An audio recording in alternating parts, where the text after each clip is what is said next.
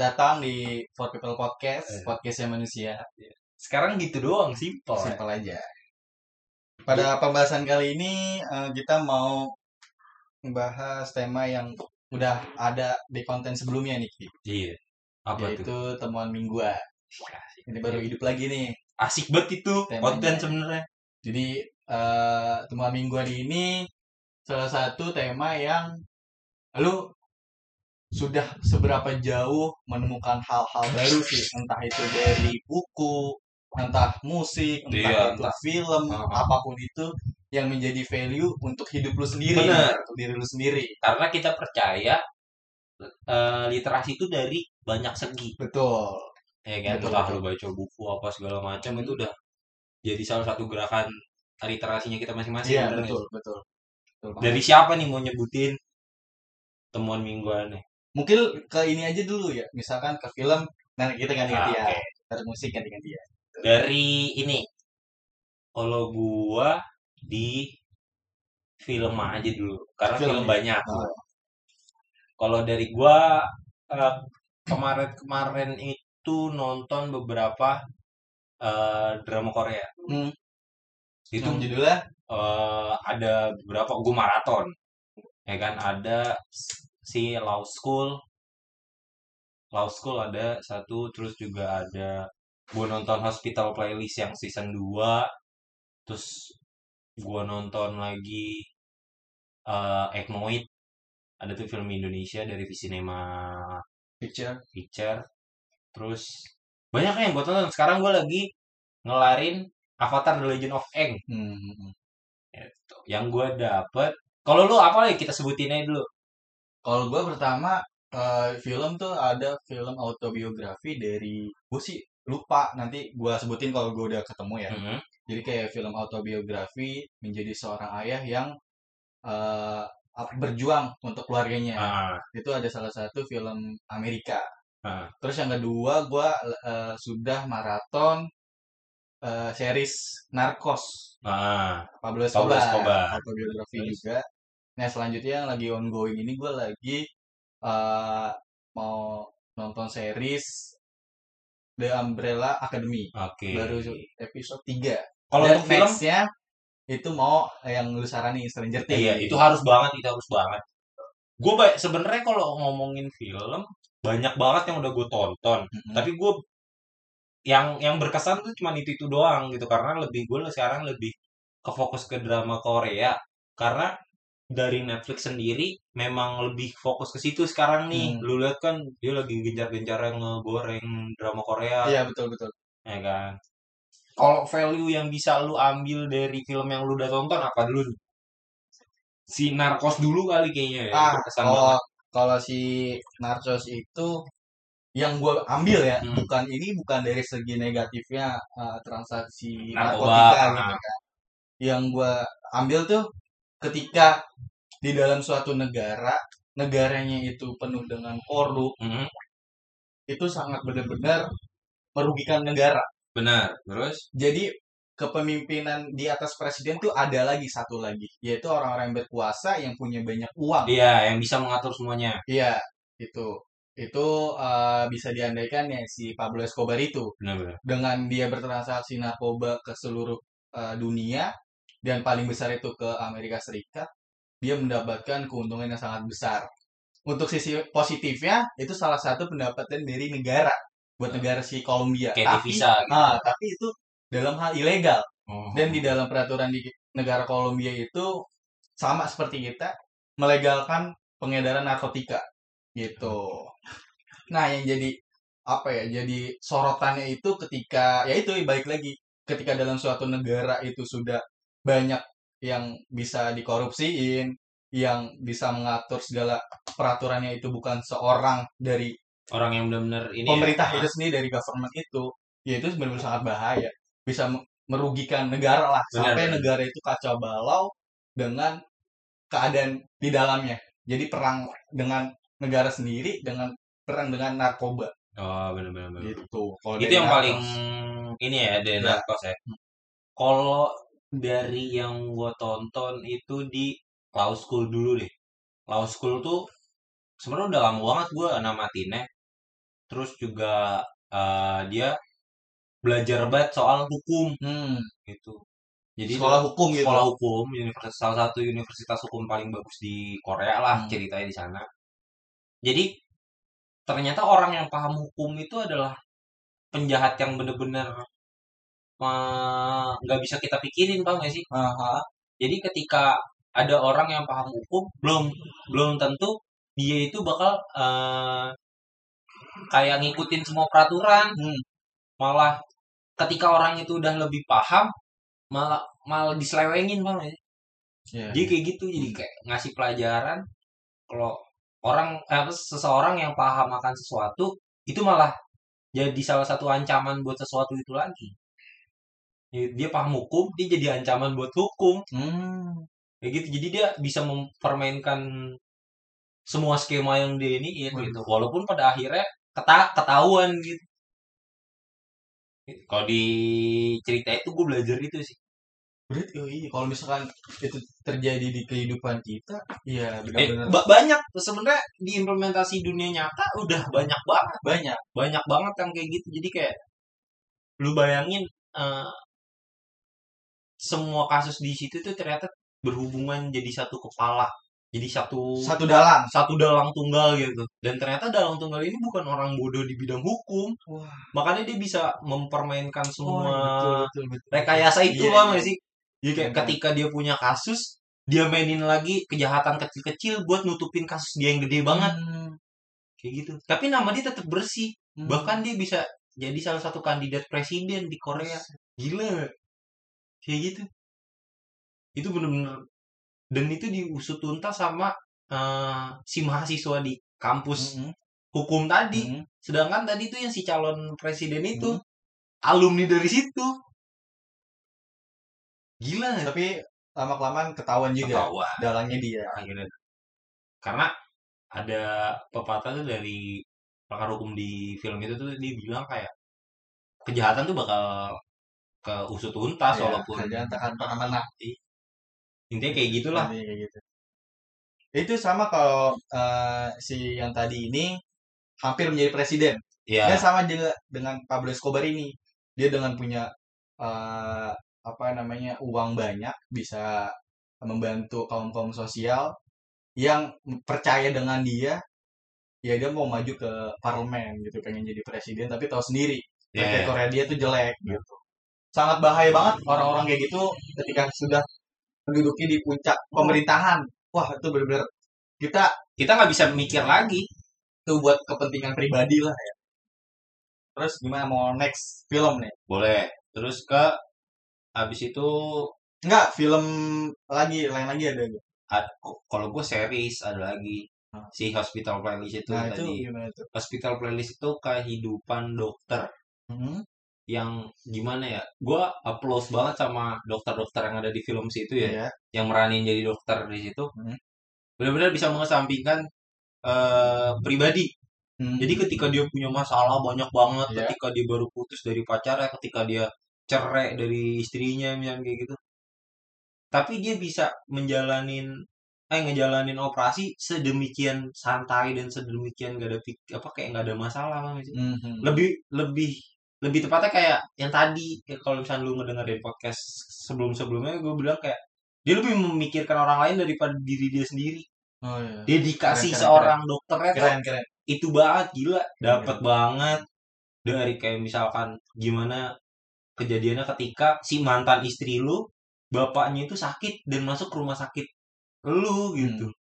gila itu the best banget dan eh, ternyata kayak terus juga di situ gue ngambil nilai kehidupannya tuh kayak lu tuh jangan pernah mikir kalau orang yang masih muda banget yang masih kayak ibarat kata belia banget lah buat Iya. di dunia kedokteran Ah. gitu dia tuh kayak ya itu tadi kayak skill itu nggak bisa bohong Iya. Ya betul, betul. mau lu baru belajar mau lu baru baru nyemplung ke situ kalau lu punya skill ya lu bakal dihargain Makanya mungkin kalau di kedokteran itu yang sekolahnya mahal, Iya. yang sekolahnya lama, ya dia kan benar-benar bertaruh dengan nyawa seseorang gitu ya. Yang malah yang takutin ketika lu punya privilege, terus lu menjadi seorang dokter itu sih skill nggak ada Iya. cuman itu ngeri di, banget sih. itu, itu nilai kehidupan yang gue ambil sih lebih tepatnya kayak gitu kayak kalau lu punya skill ya udah Aman lu nggak usah nggak usah kayak nggak usah nunjukin diri lu Iya, biarin aja betul. orang yang nilai Iya, lu betul, betul.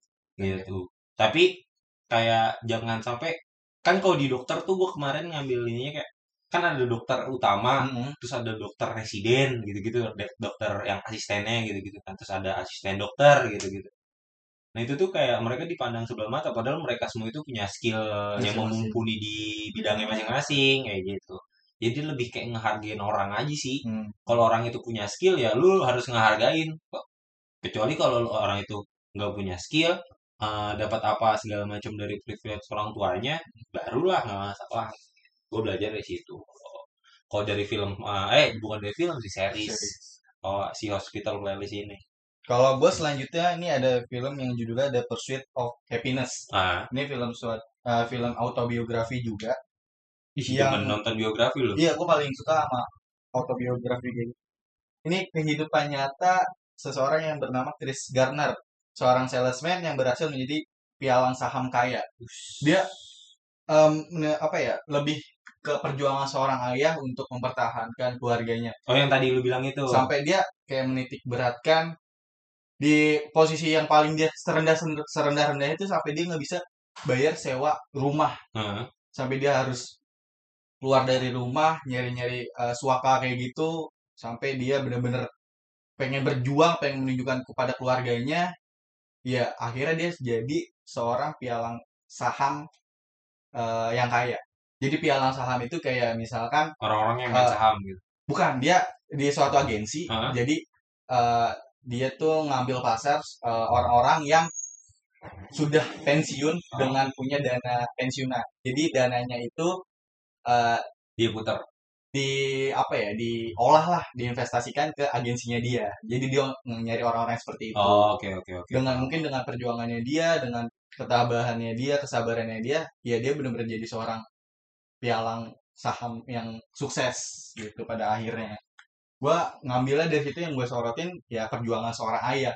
Tanggung jawabnya itu sangat besar terhadap keluarganya istri dan anak-anaknya. Hmm. gitu sih Itu- lu next ada ada ada, ada lagi gitu? gue baru ingat gue Hmm. pernah nonton kalau lu buka Netflix ada eh, kartun namanya Wish Dragon Nah, itu Animasi. kartun animasi film tapi jadi eh, menceritakan eh, ada seorang anak kecil yang punya teman perempuan Hmm. dari kecil banget dari dia TK udah temenan sampai eh, dia tuh kepisah gara-gara si keluarga perempuannya ini jadi kaya Hmm. karena dia awalnya tuh kayak tinggal di perkampungan gitu, Iya. gitu kan. Ini ceritanya backgroundnya itu di Cina, Hmm. Tiongkok gitulah, Iya. gitu kan. Di pokoknya di pedesaan padat, akhirnya si keluarga perempuan ini sama ayahnya eh, pindah ke perkotaan Hmm. dan punya perusahaan gitu. Ayahnya naik jabatan terus-terusan sampai punya perusahaan.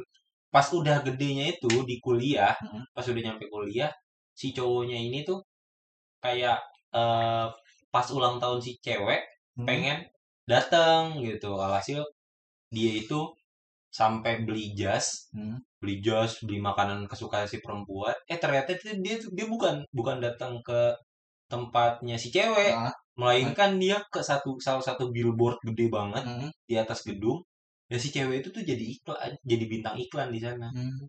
jadi dia cuma duduk mandangin si cewek dan alhasil dia itu ketemu sama satu dewa yang ngasih dia kayak modelan apa sih teko ajaib gitu sih. Hmm. Hmm.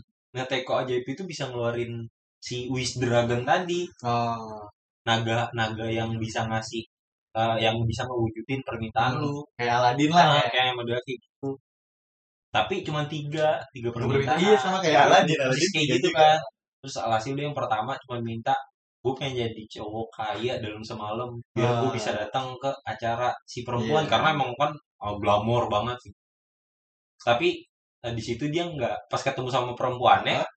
dia nggak mau ngaku kalau dia itu si temen anak pas kecil Ah, nggak sih dia jadi tuh orang lain. orang lain gitu tapi dia udah kayak gitu nah di sisi perempuannya tuh beda banget jadi dulu pas dia masih miskin dia sama ayahnya deket banget tapi ketika dia udah kaya Heeh. jadi masing-masing om nggak sih Iya. ayahnya bahkan sampai nggak peduli anaknya ulang tahun Ah. gitu sampai nggak datang Iya, iya. padahal di situ ada acara dansa bersama Hmm. anak sama si ayahnya Hmm. tadi itu si cewek gitu kan udah kayak gitu si ceweknya nangis ketemu sama si cowok yang tadi punya Wish Dragon Nah, kayak gitu ngobrol-ngobrol-ngobrol akhirnya si ayahnya video call pokoknya anaknya ini selalu ditemenin sama asisten si ayahnya lah gitu kan video, video call call.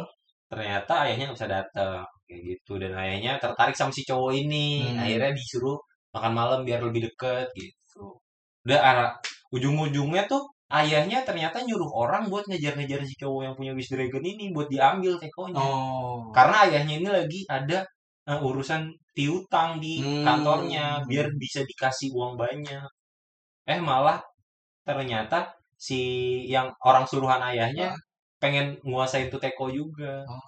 gitu panjang deh ceritanya bener-bener sampai pokoknya nilai yang bisa gua ambil tuh kayak kekayaan atau kayak pokoknya uang tuh Ah. nggak bisa selalu membahagiakan Iya, betul, betul.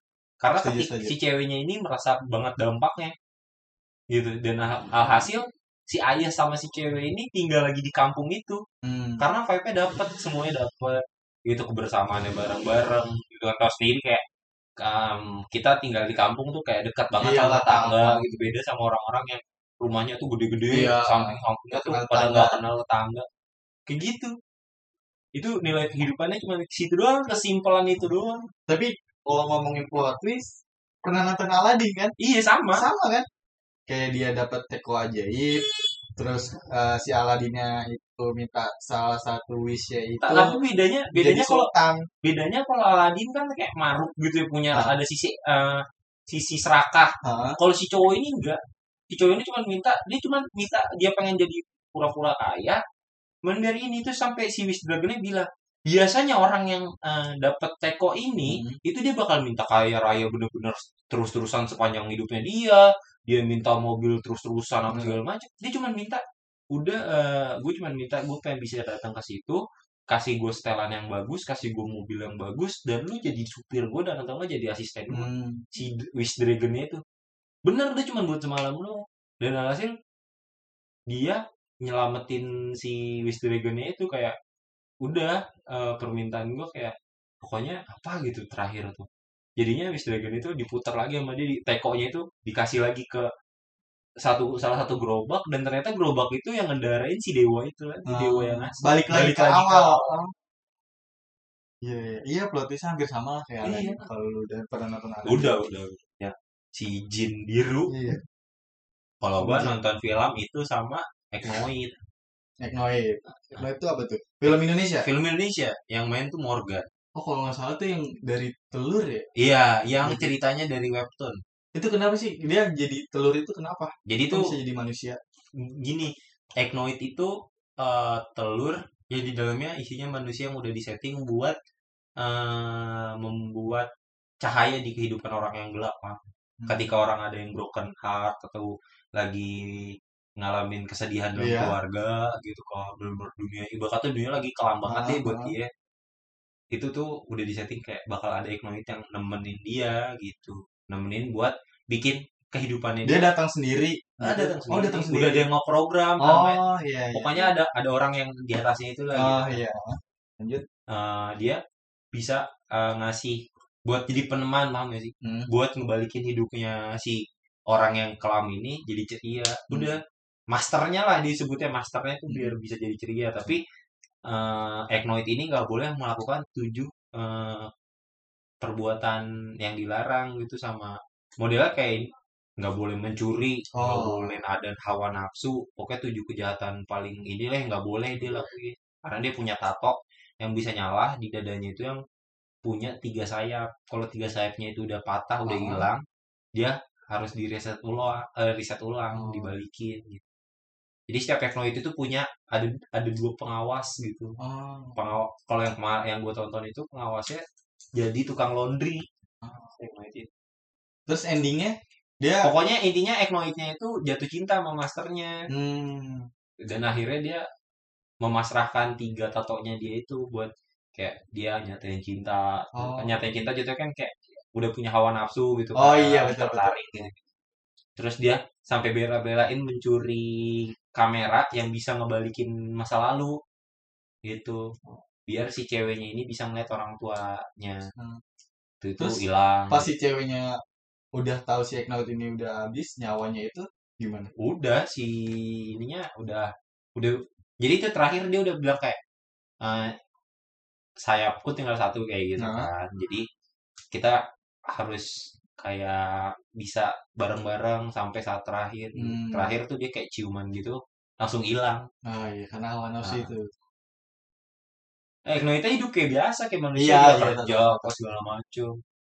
Saya punya misi ya? Ah, punya misi buat kayak gitu. Oke. gila sih gue bisa dapat value kayak i nggak selamanya yang kita sayangin tuh bisa kita punya. Iya. Nggak selamanya yang kita pengen tuh bisa kita dapat Iya. Semuanya udah ada yang ngatur.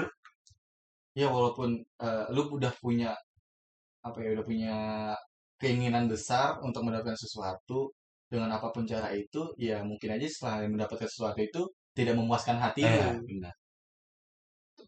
udah kok dari film gue itu aja iya sih. gue juga kalau gitu. Kalau dari musik mungkin ada yang nyentuh ke lu apa gimana gue musik baru akhir-akhir ini gue lagi dengerin si albumnya No Stress Mhm. yang baru itu kan ya sama seperti No Stress No Stress sebelumnya Eh, tidak banyak perubahan tapi ya dia mungkin konsisten tetap berada di jalur folk ya kalau nggak salah itu ya begitu terus masuk sih gue kalau itu. terus dari makna lirik atau apa ada yang bikin lu kalau dari lirik bisa dilihat sih dari eh, judul-judulnya yang benar-benar ini gue ngasih judul ini makanya ini loh gitu Oh, pas Udah banget gitu bener-bener judulnya mencerminkan isinya ya. Kalau gue dari musik nggak ada sih. Gue udah gue sekarang lebih karena memang berlangganan Netflix Hmm. jadinya kayak Oh, lebih film terus film series. terus yang gue kejar. gitu.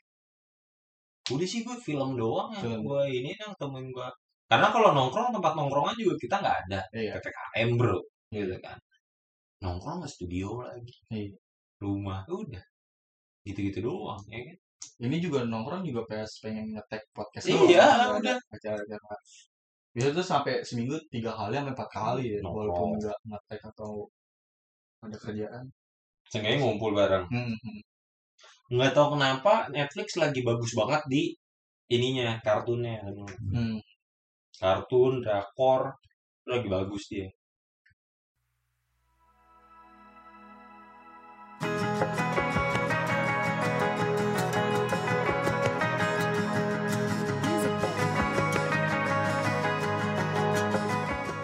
sama satu lagi lu udah nonton Alien Oh iya udah. The Ratu oh Ratu iya Queen itu. gitu. Kok bisa eh apa sih? Ratu Queen Queen Ratu Ratu Ratu-ratu Queen. iya Ratu Ratu Queen kan gila ya dalam banget ya Iya. parah seorang anak yang ditinggalin sama ibunya ke New York Sampai dia sampai dia sampai dia, dia, dia tuh pengen ngebuktiin loh sama ibunya kalau gue juga bisa gue tuh pengen berhasil juga malah kata gue le- melebihi ibunya aja sebenarnya ibunya gagal Iya. Menjadi seorang musisi penyanyi. Ah gagal. Di New York gagal. Akhirnya dia nikah sama orang Orang. Amerika sampai dia punya tapi keluarga. tapi gimana ya ibunya tuh ngomong kayak dia nggak mau melakukan kesalahan kedua kali. Iya. Makanya dia lebih milih anak-anaknya dia iya sekarang. iya bener kalau misalkan lu mau milih ke si alinya itu ya lu bakal ngorbanin keluarga keluarga yang dia yang baru gitu. keluarga yang lebih bahagia Eh, salah sih tapi anjir. tetap salah. Salah anjir anjir keren nih. Ada salah satu orang tua yang membuat kesalahan ya. Biasa kan? Ya anak ya gitu kan. Ini malah orang ini sampai yang- anaknya bisa survive sendiri sampai rumahnya dikontrakin ya kan buat dia dapat duit. Gila loh. Kan ah, eh, terakhir dia keterima eh, kuliah di iya kuliah di iya. sana kuliah seni di sana. Keren, keren. itu bener-bener dalam. Orang beberapa ada temen gue juga ada yang rekomendasi setelah dia nonton itu sampai bener-bener netes. Hmm. pas eh, ketika di scene si alinya itu bener-bener nemuin identitas ibunya eh, pas dia ke rumahnya. Saya nggak kenal kamu. Wah anjir gila. Eh disangka apa? Dia tuh Bu, udah masak rendang Iya. buat ibunya. terus kayak siapa yang masak eh, guy apa kayak? Siapa yang order? Siapa yang order Iya, gitu dia langsung gila shock banget. Tapi dia malah dapetin sosok ibu dari keempat rata-rata queen Iya, tadi betul, ya betul. Dari sosok ibu yang mengayomi dari sosok ibu yang kurak-kurakan dari si Ulas ya oh kan? iya lupa tuh nama-nama tokohnya terus dari ya pokoknya banyak lah gitu kan arti kehidupan gimana Betul. tapi di situ belajar semua masalah itu bisa terobati dengan makan ya. Eh, udah makan dulu biar kita pada tenang Iya. Orang pas si Alinya itu eh, keluar kan, marah-marah. Akhirnya, kamu mau ke mana? Saya mau mencari ibu saya. Gak bisa, kamu nggak tahu arahnya. Akhirnya di ditengahin dengan, jadi kita makan malam dulu. Ya keluar dari Iya, kebab, kasih kebab. gila nih Dan ke, iya Ali gue nggak bisa. Terus gitu. Ih, ih, itu itu the best banget sih menurut gua film Indonesia yang kena sih salah satunya Betul betul. Ali and Ratu-Ratu Queens soalnya dari Iqbalnya sendiri meraninnya bagus ibunya juga bagus terus juga Ratu-Ratu Queensnya juga pas banget gitu karakternya semuanya ngisi ada si Tante Cinta Iya. yang terlalu eh, apa ya Kayak feng shui, feng feng shui shui gitu lah ya. gitu lah kan hoki Oh, hoki iya. terus juga dari si Astra Ulas yang urak-urakan yang kerja semua kayak anjir ditanya ke New York gimana saya nggak mau jalur biasa akhirnya jalur ilegal Ya kan? Sebenarnya emang pada pengen pulang lagi sih. Pada pengen pulang. rumahnya masing-masing. tapi mereka mikir gue udah nemu keluarga Iya, di sini. tapi keren sih si anaknya itu yang siapa? Yang perempuan? Iya, Yang- anaknya si yang akhirnya suka sama Ali. Itu keren. Itu kalau misalnya ada lanjutannya paling ceritain si si pasangan itu. Ketemunya good ending sih ketemunya dia. Padahal si Ali, emang Alinya juga kan pinter gambar ya kan dia minta maaf sama si tante-tantenya itu ya pakai gambar. Ah. bikin video, video gila lu. Eh, ibu pas ketemu ibunya di vlogin ya bikin vlog deh. Sedih kayaknya. Sedih parah anjir. Pengorbanan kayak ibaratnya tuh anak nggak pernah ke mana-mana tapi bisa memberanikan diri ke luar negeri buat cari ibunya. Soalnya ibunya kan pernah janji kan dia bakal balik lagi tapi ternyata enggak. Terus yang gue bisa ambil tuh ini kota New York. Ya gue ngeliat New York anjir negaranya maju pusat ya tren fashion ya pokoknya berbagai macam tren berasal dari sana lah gitu. Kan ketika ngeliat sisi lain dari New York anjir kayaknya nggak sebagus apa yang gue pikirin gitu. Dengan keramaiannya Tapi yang dengan malah- kesembronoannya. tadi gue balik lagi kesalahan orang tua. Hmm. keegoisan bapaknya juga nggak sih? Ketika dia udah dikirimin tiket tapi dia nggak mau pergi. Iya iya. pas Ali masih kecil coba bapaknya ngizinin Ali sama si bapaknya ini pergi ke New York. Mungkin mereka bertiga hidup di New York. Dengan bahagia. Ya nggak tahu kalau bahagia apa enggaknya ya. Tapi ya bentuk kekecewaan seorang suami lah. Kan dari awal juga suaminya nggak ngizinin kalau dia mau fokus ke karirnya buat jadi, Jadi seorang musisi. penyanyi di luar negeri. Ya dia malah udah menunjukkan New York tempat tujuannya gitu kan. Ya bentuk kecewaannya ya ngapain gue ke sana sama aja kalau misalnya gue ke sana ngedukung istri gue dong gitu kan Nah, Iya mungkin akhir- kan tadi gue bilang jadinya kayak egoisan seorang bapak. Jadi kayak gitu. Ya, itu gila sih ah, film salah satu film keluarga yang kena juga. Betul. Pokoknya film keluarga tuh yang kena dia kayak terus keluarga Cemara terus apa nanti kita cerita tentang hari ini itu kena tadi juga kalau salah gue mau rekomendasiin tuh The Pursuit of Happiness tuh. Nah. Keren itu juga masalah tentang keluarga Keluarga juga. perjuangan seorang ayah Gak ada lagi selain film gue film nggak tahu setelah selain film nggak ada paling udah sih gitu-gitu doang gue paling baca-baca di Twitter Twitter Iya. orang udah gitu Tweet-tweet gitu Ah. ya. Ya bagus juga tuh. Malah gue kalau masalah Twitter nih ya, kayak bingung gitu. Nih orang eh, anonim lah, profil picture anonim, maksudnya nggak jelas. Terus juga dari username-nya juga nggak diketahui. Tapi pas dia bikin treatment, pas dia bikin sebuah utas, anjir nih orang pinter. Malah gue kayak tertarik, siapa sih di balik akun ini gitu kan. Keren-keren lah maksud gue gitu. kalau nyari di Twitter tuh bisa nggak nggak bisa habis ya Iya betul. nyari ini nyari tapi juga salah satu eh, bertambahnya wawasan gue ya itu. Ngikut tren-tren yang ada di Twitter ngebahas apa sampai benar-benar akar lah gitu. Ya bener enaknya di Twitter gitu bisa nyampe akar. Soalnya dia emang outputnya tulisan ya ngelihat. Terus juga bisa ngelihat respon orang. Iya betul. Apakah apakah ya, persentase orang yang setuju dengan pendapat dia itu berapa Hmm. gitu. bisa dilihat dari situ dari sih. pendapatnya dia beda apa ya beda dimensi kalau itu kan kalau misalkan di Instagram orangnya begini eh kalau di Di Instagram Twitter tempat ya. pamer Twitter tuh kalau di Twitter tapi Twitter juga sekarang udah mulai tempatnya apa ya udah mulai jadi tempat pamer sih Iya. ya karena banyak banget orang-orang yang udah mulai nge-share foto Hmm. segala macam kan kalau dulu tetap bisa nge-share foto tapi lebih orang lebih milih ke tulisan iya sekarang bisa orang foto bisa. Terus juga kalau yang diresahin tuh kalau Twitter trending apa nih? Tapi lu nggak nyambung di Ya. trend itu gitu. Kalau kayak cuman pengen naikin tweetnya lu gak sih iya. Cuman lu nge-tweet ah aduh cuaca apa suasana panas banget nih. Misalnya lagi, lagi trending sepak bola Indonesia pakai hashtag hashtag iya dengan pakai profil picture lu kayak gitu. Itu yang diresahin sih. Nggak nyambung lebih terbuka sih kalau di Twitter ya. Lebih open. Apaan aja ya bisa masuk sana dari trending-trending yang benar sampai yang gak benar masuk semua. Iya banyak tergantung lu nyarinya aja lu mau yang positif atau yang negatif? Paling kalau gue temuan gue cuma itu. Kalau gue ya sama gue juga kayak kurang lebih kayak gitu sih. Film jadi lebih ke temuan gue minggu ini tuh nilai-nilai yang terkandung dalam film. Hmm. literasi gue di situ.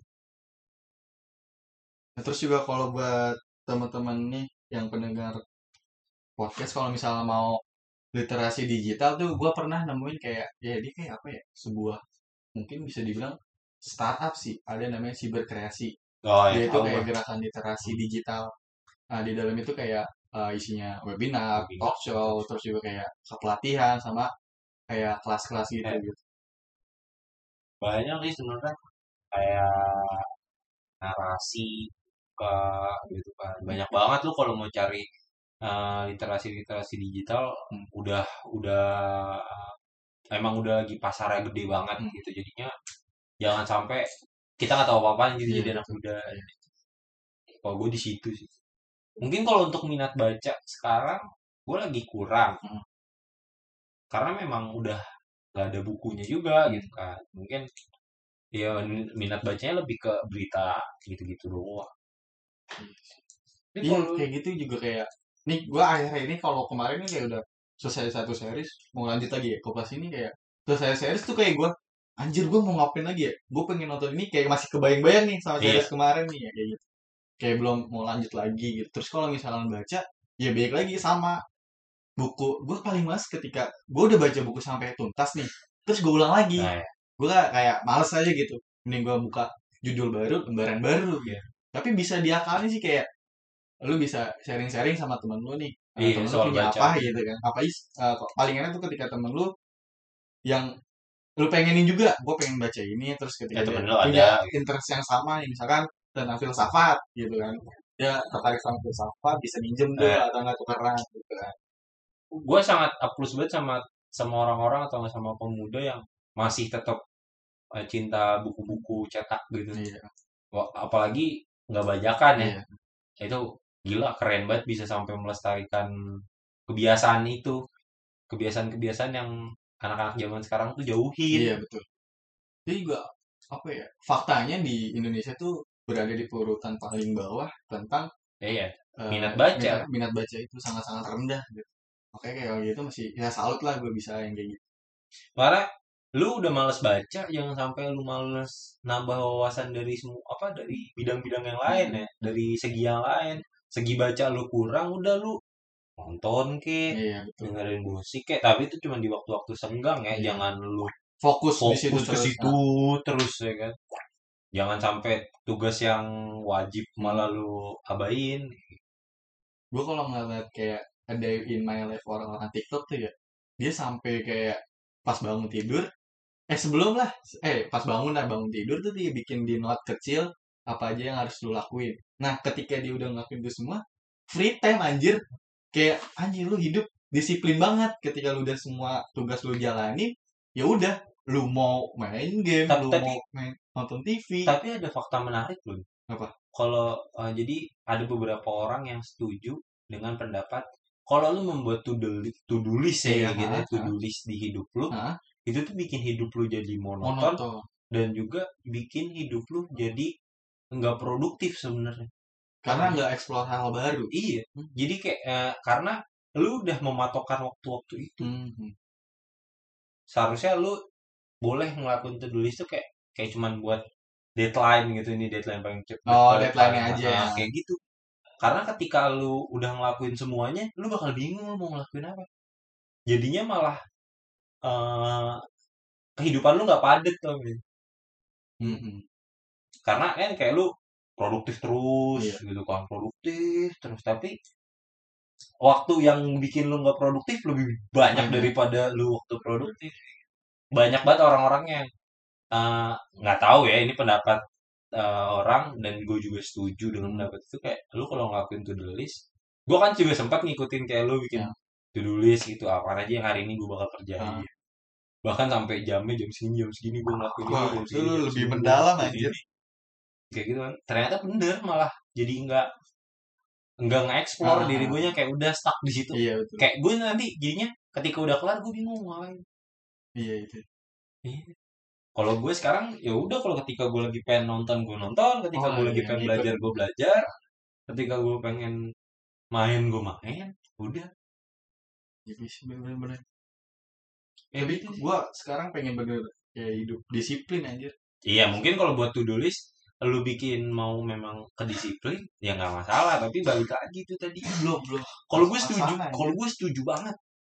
Kalau masalah itu tadi jadi bikin diri lu monoton Hmm. monoton terus juga jadi bikin diri lu nggak fleksibel bener nggak? seharusnya kayak lu ada kan orang yang fanatik banget dengan apa yang dia udah bikin nih Hmm. kayak yang tadi gue bilang gue sampai eh, ngelisin jamnya apa segala macam jadi bener-bener nggak bisa fleksibel Iya. kayak yang seharusnya kayak lu ngerjain ini kelar 5 menit harusnya lu bisa ngerjain lain tapi lu malah nunggu waktu buat ngerjain hal itu lagi jadi kayak lalu ketika disuruh ini atau nggak disuruh ngerjain apa dari kerjaan lu atau dari apa jadinya nggak gue nggak bisa gitu ini, ini, ini, paling gue kerjain besok atau nggak gitu atau dua hari lagi. Itu bikin jadi nggak ini. Hmm. gue lebih setuju yang yang ada deadline ah, gitu. Iya. jadi kayaknya tugas kantor buat deadline sekian tanggal segini. Nah, jadi gue harus lebih ngeduluin ini ini tugas ini deadline segini deadline ini. Tapi gue kayak makin ke sini kayak seharian ya lu nggak ngelakuin hal-hal produktif malah jadi ada yang ngeganjel. Iya. Kayak tadi kan gue seharian ya, ya gue paling cuma nge ngebahas-bahasin chat-chat gitu yang menurut gue penting ya. Terus pas wah kayaknya eh, apa namanya ngetek podcast nih ya. Pas gue udah ngetek podcast ngerasa diri gue anjir udah ngeplong gitu. Karena gue udah ngelakuin di hari ini ada yang berproduktif Hmm. ada yang bisa gue kerjain gitu. Benar Nah, kalau kalau misalnya harian penuh gue nggak ngapa-ngapain gitu kan kayak anjir ada yang kurang malah berantakan jadi berantakan banget terus lebih bosan lagi tuh kemarin ketika ppkm nggak bisa Hmm. ke mana-mana Hmm. yang tadinya kita biasanya sharing-sharing kan kayak ngomongin konten ngomongin strategi apa eh, podcast strategi postingan gitu Iya kemarin tuh sempet yang kita patah Iya. yang pengen konten euro tuh kan. Itu bener sebenarnya planningnya panjang sampai bener Heeh. after final pun mungkin Masih masih, ada. ada. gitu. Tapi karena ya kendala seperti ini kan. Jadi kalau bikin bisa komunikasi- komunikasi dari Kayak gitu ya apa ya enggak buat buat orang-orang kayak kita kayaknya kurang iya enggak maksimal. nggak gitu. maksimal Mungkin udah terbiasa ya langsung langsung ngomong, datang meeting ceplos gitu kan. ceplos keluarin gitu. betul betul. Ini sih. sebenarnya mungkin ada nih pendengar dari kita punya tips and tricks ketika meeting online Hmm. gitu bisa langsung kasih masukan aja nih gitu kan buat cover people gitu kan karena emang butuh banget hal itu. Di masa kayak gini kita nggak tahu masa kayak gini sampai kapan. Kalau gue sih lebih kayak boleh nih kalau misalnya dari pendengar For People Podcast yang bisa sharing-sharing tentang hidup disiplin gitu kan biar Hmm. waktu kita full gitu ngapain aja boleh tuh di sharing tuh tips-tipsnya. boleh boleh boleh banget. Nanti tinggal DM aja. Hmm. udah temuan mingguan gue itu doang jadinya eh literasi dalam film udah Hmm. intinya gitu. Walau masalah musik yang gue dengerin masih lagunya itu, itu Itu doang. Aja. gue nggak terlalu update juga di Iya, musik. gue bukan orang yang demen dengerin musik juga Hmm. gitu. Ya gue kalau misalnya masalah musik ya gue musik-musik yang lagi populer sih yang lagi Iya. hits ya gue masuk di gue ya udah. Kadang dengerin playlist di Spotify itu kayak eh, 50 viral di Indonesia gitu kan. Gue malah ngefollow ya top 50 Indonesian chart. Iya kayak gitu kayak gitu gitu pokoknya chart-chart yang top-top gitu kan. Iya. pokoknya ada di atas aja gue dengerin nah, paling kalau misalnya seling-seling kan paling uh, playlistnya musiknya manusia ya iya paling gitu-gitu peneman tidur yang gue denger ya nge-explore musik-musik baru dari situ yang ada beberapa yang gue suka Hmm. Ya kan balik lagi ke selera bukan masalah jelek atau enggaknya. Eh kadang kadang sampai kayak kalau gue dengerin playlist kayak dari media-media kayak gitu kayak dari For People sendiri.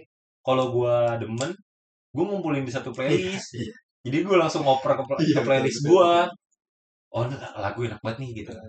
Apa lagu pusakata enak banget nih. Gue sampai bener-bener kayak klasifikasiin lagi. Kayak gue pernah punya playlist tuh playlist gue PKL jadi pas selama gue PKL itu pasti yang diputerin itu aja. Jadi kayak kalau misalnya gue bisa pengen nostalgia nih ya udah gue dengerin itu Anjing kayak keinget lagi pas gue PKL kayak gitu gitu anjing. kalau gue pasti denger musik ketika gue lagi kasmaran eh iya iya iya Iya. musik kenapa ya punya mungkin punya punya jiwa ceritanya masing-masing sih Ah, ah. kalau gue setiap la, setiap lagu yang gue dengerin punya ceritanya masing-masing kayak tulus teman-teman hidup ya kalau gue yang paling bekas 420 hitam putih itu pas kalau misalnya diputer nih anjing sama sama kalau gue 420 yang menghitung hari yang Iya. coverannya Iya. wah gila itu sama ini pusakata kehabisan kata iya gitu asli. Itu pun ceritanya masing-masing kayaknya Ya, jadi kayak gue kalau gue ya gue bercerita di playlist Mm. gitu. jadi kayak gue masih punya playlist gue bareng mantan gebetan gue punya playlist buat didengerin bareng sama mantan pacar masih ada walaupun mereka udah nggak ngefollow ya Iya. gue mah tapi tetap dengerin anjing karena lagunya nggak masuk ke guanya gue juga kurang lebih kayak gitu ya semakin ke sini kayak "Anjir, kalau misalkan musik kayak ada jiwanya berarti gue kayak harus sekarang nih misalnya gue deket sama seorang nih kayak gue ap- apa yang lagi gue suka lagunya ya gue putar terus terusan biar ketika nanti mungkin uh, nggak sama dia lagi ya bisa keulang memori-memori itu Hmm. Kayaknya eh kalau misal berdua eh benar-benar serius aja Serius terus banget. parah ya? Mungkin bahasannya bisa yang ini gitu. Menyenggol. Ini karena Amar Wali. Kita juga udah jarang banget. Bahkan kita nggak pernah nge-podcast iya, berdua. berdua. lu sama Amar sering banget nge-podcast eh berdua baru iya sih. Eh, iya. eh bertiga eh berdua. Berdua dua malam ini kayak gitu. Mungkin nanti bakal bakal banyak banget formasi-formasi berdua jadi tungguin aja. Kalau dari gua eh, tadi harus anak muda harus niat Hmm. niat buat literasinya naikin. Sampai waktu itu pas kita sekolah ada kan gerakan literasi. setiap pagi 10 menit bebas mau baca mau baca kitab masing-masing agama masing-masing mau baca buku ya kan bebas pokoknya harus baca gitu. Iya, iya. Kalau closing statement dari gua, usahain apa pun yang lu lakukan itu berdampak buat diri lu. ada value-nya ya Ada value-nya. Iya, walaupun sekalipun lu cuma kayak film atau enggak, ya, usahain ada yang dapat buat diri lu sendiri. apakah lu ngeliatin ngeliatin orang misalkan ya lu ngeliatin orang ngelakuin sesuatu juga itu udah bisa banget kalau lu bisa nilai sesuatu ya jadi Iya. kayak bisa ngambil ke kesimpulan dari situ itu udah value banget sih Iya. menurut lu.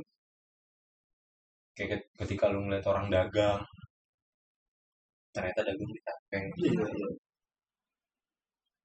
itu udah itu udah udah manfaat banget buat jadi kalau gue tadi jadinya kayak udah eh usahain diri lu setiap harinya punya manfaat punya hal yang masuk Hmm, jangan gedein gengsi lu Iya, betul. karena anak muda sekarang gedein gengsi kan yang kita pernah bahas juga Ya, ngikutin gengsi nggak ada habis-habis. Terus sekarang mah mending menuhin value dulu dalam diri ya.